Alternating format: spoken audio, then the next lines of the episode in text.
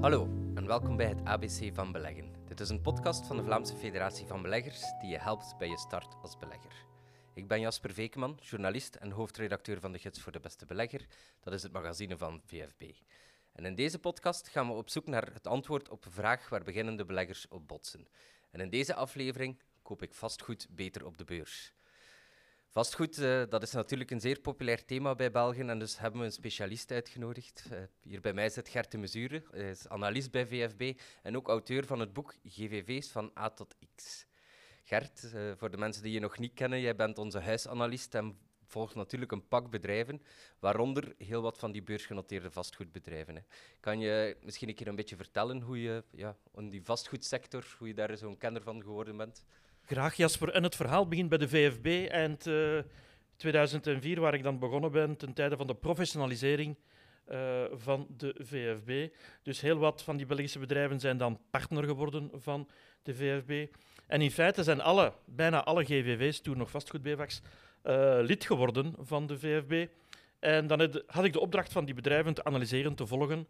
En ja, natuurlijk, als je na verloop uh, heel wat van die GVV's analyseert, dan kan je ook links gaan leggen tussen de GVV's onderling, in plaats van gewoon het resultaat van A, B en C ja. elke keer te, te, bespreken. Ga je dan meer over de, de, hoe zou ik zeggen, over de grenzen heen is een groot woord, maar ga je toch bepaalde ja, links gaan, gaan bekijken, uh, relaties uh, met, met, met, met de beurs in het algemeen. Of in mijn geval dan ook zaken uit de aandelenwereld daar, daar gaan op toepassen, bij wijze van spreken. Ja. Nu, voor alle duidelijkheid, wanneer we hier gaan spreken over vastgoed kopen op de beurs, dan is dat niet de vervanging van een eigen woning. Hè?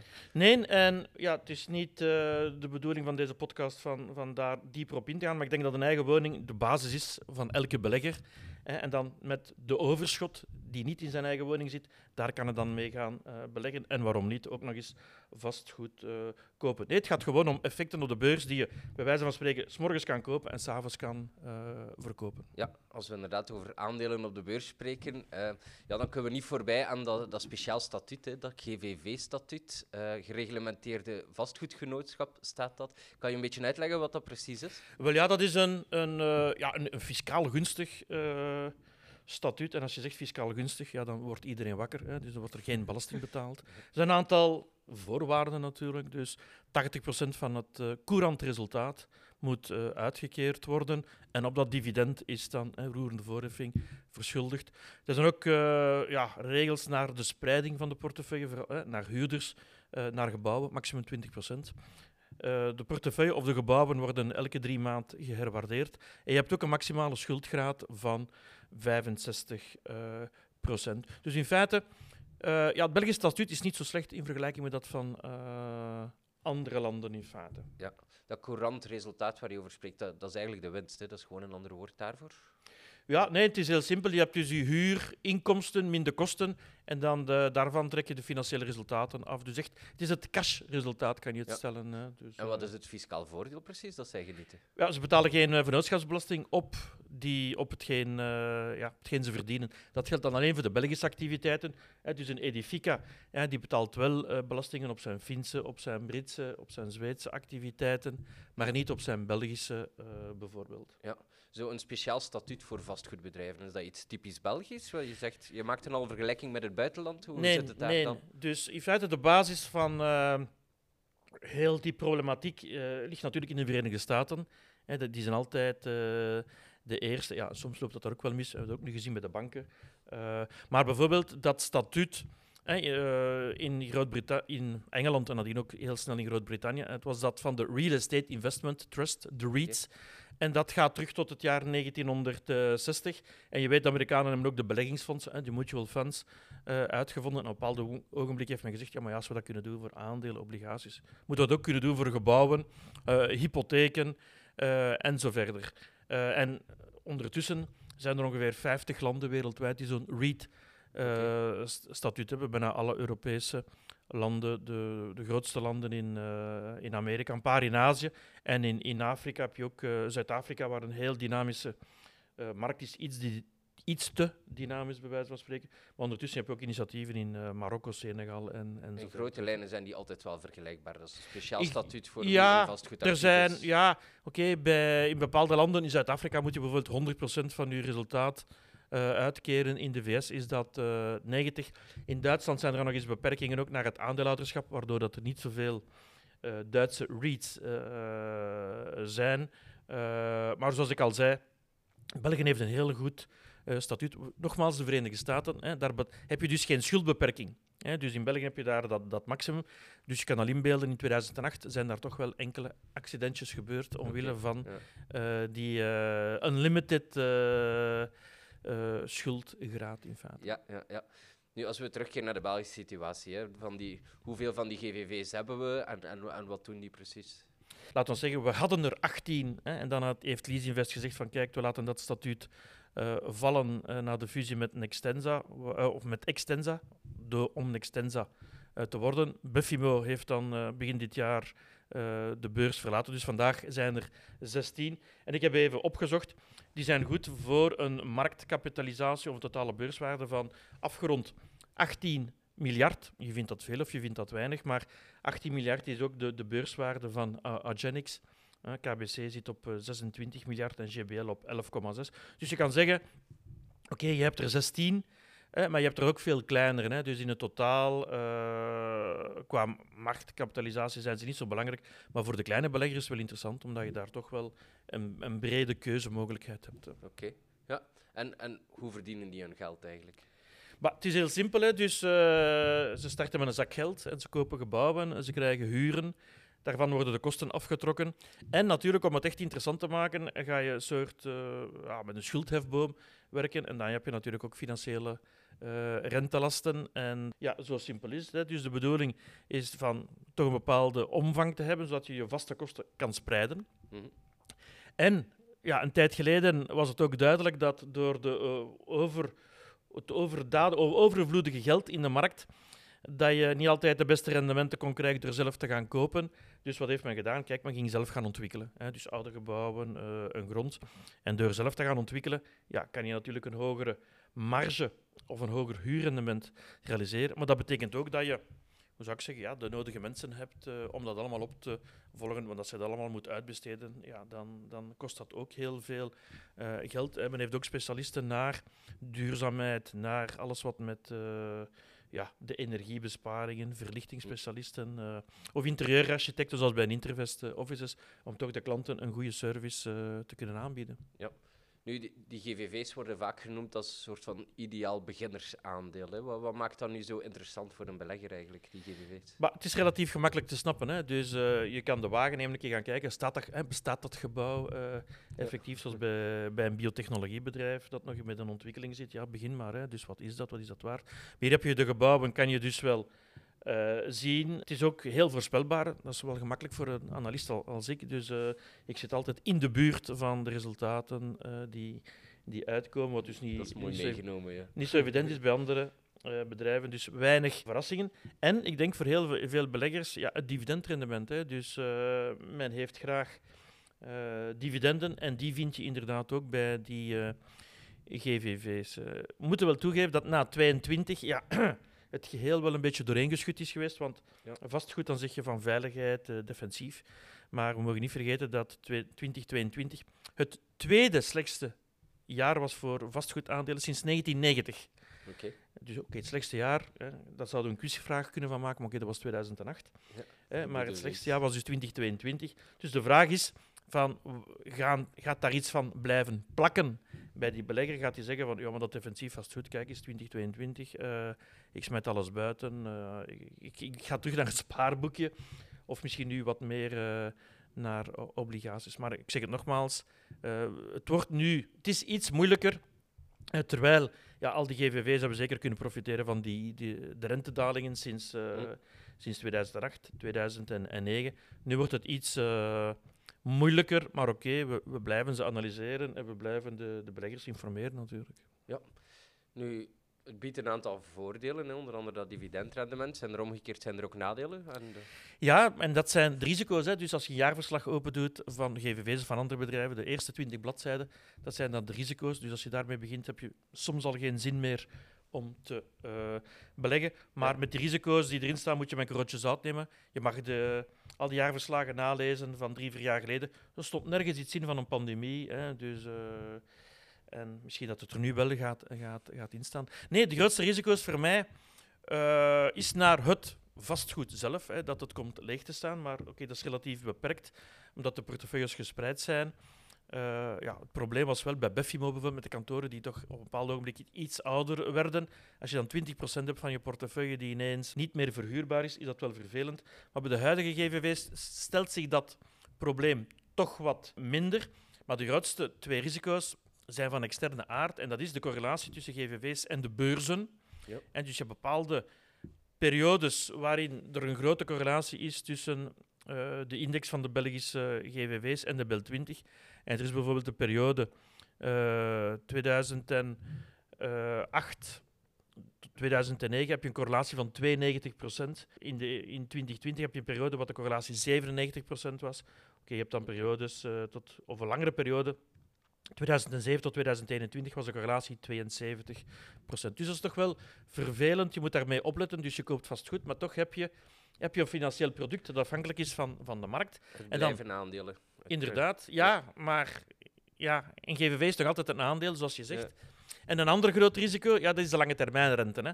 Dus als ik dat opperde in mijn boek hè, van september 2021, laat op met die lange termijnrente, want die gaat vroeg of laat stijgen. Dan zegt iedereen, ja, maar ja, hè, ze zijn ingedekt tegen de stijgende rente. Ja, dat klopt. Maar de GVV als financieel product heeft toch wel uh, last van dan de toenemende concurrentie, als we het zo mogen stellen, van obligaties.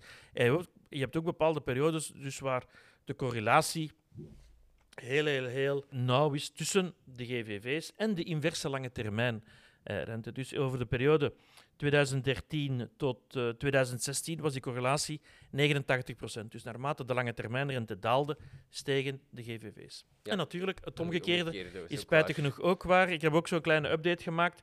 Dus in de loop van uh, eh, 2019 en 2020 was er geen correlatie tussen de lange termijnrente en de, en de GVV's. Maar sinds 2021 heb je daar een perfecte correlatie en is de stijging van de lange termijnrente, of de inverse, hè, loopt dus gelijk met de daling van de GVV's. Dus als iemand mij vraagt van, de, ja, Gert, wat moet ik nu doen met mijn GVV's? Dan zeg ik van, zeg mij wat de lange termijnrente gaat doen en ik geef u een antwoord. Ja, nu, in, de echte wereld, hè, de, de reële wereld, is vastgoed enorm duur. Hè. Voor veel mensen zelfs uh, ja, onbereikbaar of onbetaalbaar geworden. Hoe zit dat eigenlijk op de beurs? Ja, het voordeel van, van, van die GVV's op de beurs is dat elk vastgoedsegment mogelijk wordt voor de belegger. Ik zie niet direct een, een kleine belegger uh, een rusthuis gaan kopen of een logistiek uh, pand van 10.000 vierkante meter of een kantoorgebouw of, uh, of een datacenter of een hotel. Maar via de GVV's heb je dus ja, toegang tot al die segmenten. Als je zegt van kijk, dat segment heeft potentieel, dus ik wil daar wel instappen. Terwijl als ja, particuliere belegger zit je toch met dat probleem. Dus ja, ik zeg het, heel de vastgoedwereld ligt nu open voor die kleine belegger. En het is ook heel liquide, zoals, ik, zoals we daarnet al zeiden. Je kan ja. s morgens kopen en s'avonds verkopen. Ik zie dat niet direct gebeuren met een appartement. Ja. Eh. Het klassieke tegenargument is natuurlijk, ja, maar vastgoed, die een baksteen, ik kan dat tenminste vasthouden.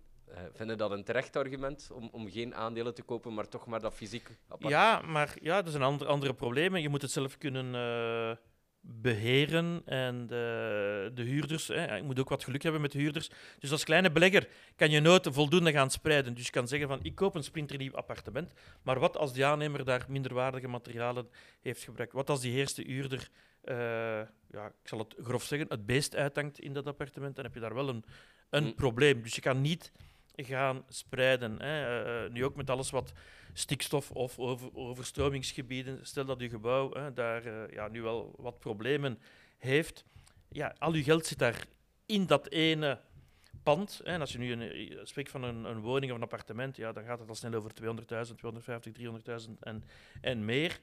Oké, voor de eigen woning, dat hebben we al gezegd, dat is iets apart. Maar voor, om te beleggen, ben je beter dat je daar een beetje een brede portefeuille opbouwt van GVV's. En waarom niet in binnen- en in buitenland? Dus je hebt altijd domeinen die het wat beter doen dan andere, hè, zoals uh, middenjaren uh, of de periode 2014, 2019, waren GVV's met de Spaanse hotels heel aantrekkelijk. Hè. Dus je had groepen die daar van alles uitbouwden. Of in de naweeën van de, van de vastgoedcrisis of de financiële crisis. Ja, Ierland met kantoren bijvoorbeeld, heel dat uh, herstelt. Dus je hebt speciale situaties waar je kan uh, op inspelen via REITs of GVV's. Kan je misschien uh, eens een vergelijking maken op vlak van rendement? Hoe scoren die GVV's in vergelijking met ja, een appartement verhuren en dus het rendement dat je kan halen op zo'n fysiek vastgoed? Ja, fysiek vastgoed, uh, wat kan je daarvan rendement? Ik kan natuurlijk uh, een ouder appartement kopen, renoveren en dit en dat.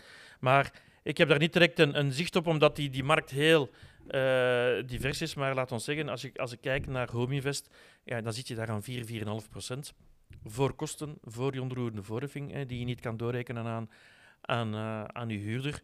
Uh, je moet dan ook nog zien uh, hoe evolueren de kosten van, ja, ik weet niet wat, verwarming of, of andere. Dan ook nog als je huurder vertrekt. Ja, hè, als je een nieuwe huurder moet gaan zoeken, moet ik daarvoor een, een makelaar inschakelen enzovoort enzovoort. Maar als je nu naar de GVV's gaat kijken, ja, het dividendrendement is daar wel wat aantrekkelijker geworden door de koersdaling. Dus het gemiddelde van die 16, het gemiddelde dividendrendement zit op 4,2. Met een uitschieter van Care Property aan uh, eh, 6,5 en dan WDP uh, 2,2. Maar oké, dividendrendement is niet het enige verhaal. Je kan natuurlijk ook koerswinsten uh, realiseren. En ja, die staan ook weer functie van die externe elementen, zoals de, voor een deel hè, de beurzen en de lange termijn rente. We hebben het nu eigenlijk alleen nog maar over die GVV's gehad, hè, maar zijn er misschien ook nog kort andere manieren om vastgoed via de beurs te kopen? Wel ja, je hebt dus uh, ook nog de, de, de ontwikkelaars, bij wijze van spreken, uh, en ook de, de, de, bouw, de bouwbedrijven natuurlijk. Hè. Dus een ja. totaal ander uh, segment. Dus ja. in de ontwikkelaars zijn we toch ook wel goed bediend uh, in België met uh, Atenor, Immobel, Banimo en, en VGP. Maar ja, die, gaan die ondergaan misschien nog iets meer dan de GVV's, de, de huidige marktsituatie. En zoals de snelle stijging van de rente, die heeft gewoon ja, tot een, een, stilstand geleid bij de, bij de investeerders. Want die zeiden van, ja, maar wat is dat hier allemaal? Die rente stijgt zo snel, de vastgoedrendementen stijgen, dan niet. Dus dat is wel een, uh, iets, iets lastiger.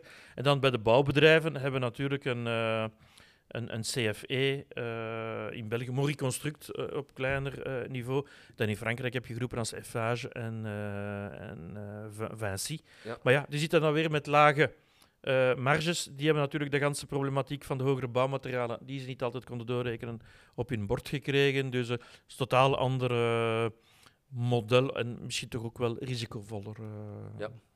Nu, als laatste vraag, uh, misschien dan toch maar een keer die, die vraag van de titel uit, uh, van deze aflevering.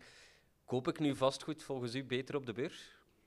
Maar je moet het altijd in totaal van je portefeuille bekijken natuurlijk. Als je zegt van kijk, ik heb maar 100.000 te, te spenderen, ja, met die 100.000 ga je in de reële wereld niet veel vastgoed kunnen gaan kopen. Ja, dan bouw je een, gespreide portefeuille uit. Dus je moet niet zeggen ik koop PDP en Montea. Nee, je moet zeggen kijk, ik koop logistiek vastgoed en dan zie ik wel welke van de twee.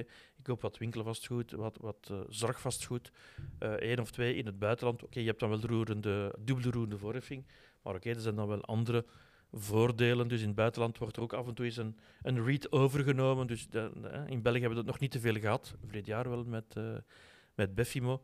Dus maar je moet ja, altijd gaan, uh, gaan spreiden, bijvoorbeeld. Hè. Ja. En, en, ook de research lezen bij, bij VFB. Dus ook altijd een goede manier om alles op te volgen. Dat vind ik uh, zeer goed advies om te besluiten. Ja, en om verder te besluiten zet ik ook nog altijd zo'n keer een paar dingen op een rij die, die, die ik zeker ga onthouden. Uh, in de eerste plaats, ja, de GVV, dat is een uh, speciaal statuut voor beursgenoteerd vastgoed, dat je als belegger ja, toch wel bescherming en, en garanties biedt. Nu, wie vastgoedaandelen koopt, kan beter spreiden en zijn aandelen ook altijd weer snel verkopen. En op de beurs ligt het rendement op vastgoed doorgaans wat hoger, maar de aandelenkoersen schommelen wel sterker dan de vastgoedprijzen. Uh, Gert, heb jij daar nog iets uh, aan toe te voegen of op te ah, wel ja, dus dat is een, een perfecte... Hè. Wat hebben we geleerd vandaag hè, van, van, uh, van Piet? Nee, nee, je hebt goed opgelet, uh, Jasper. Oké, okay, Dan rest mij enkel nog te zeggen dat we de volgende keer weer ingaan op ja, toch wel een belangrijke vraag voor beginnende beleggers. Wat heeft een holding beginnende beleggers te bieden? Meer informatie over beginnen met beleggen vind je op onze website. Dat is www.vfb.be. Vragen of reacties kan je kwijt via info.vfb.be. En vind je deze podcast leuk of kan je zo andere mensen die graag willen beleggen, stuur hem dan gerust door of deel hem via sociale media. Tot de volgende keer.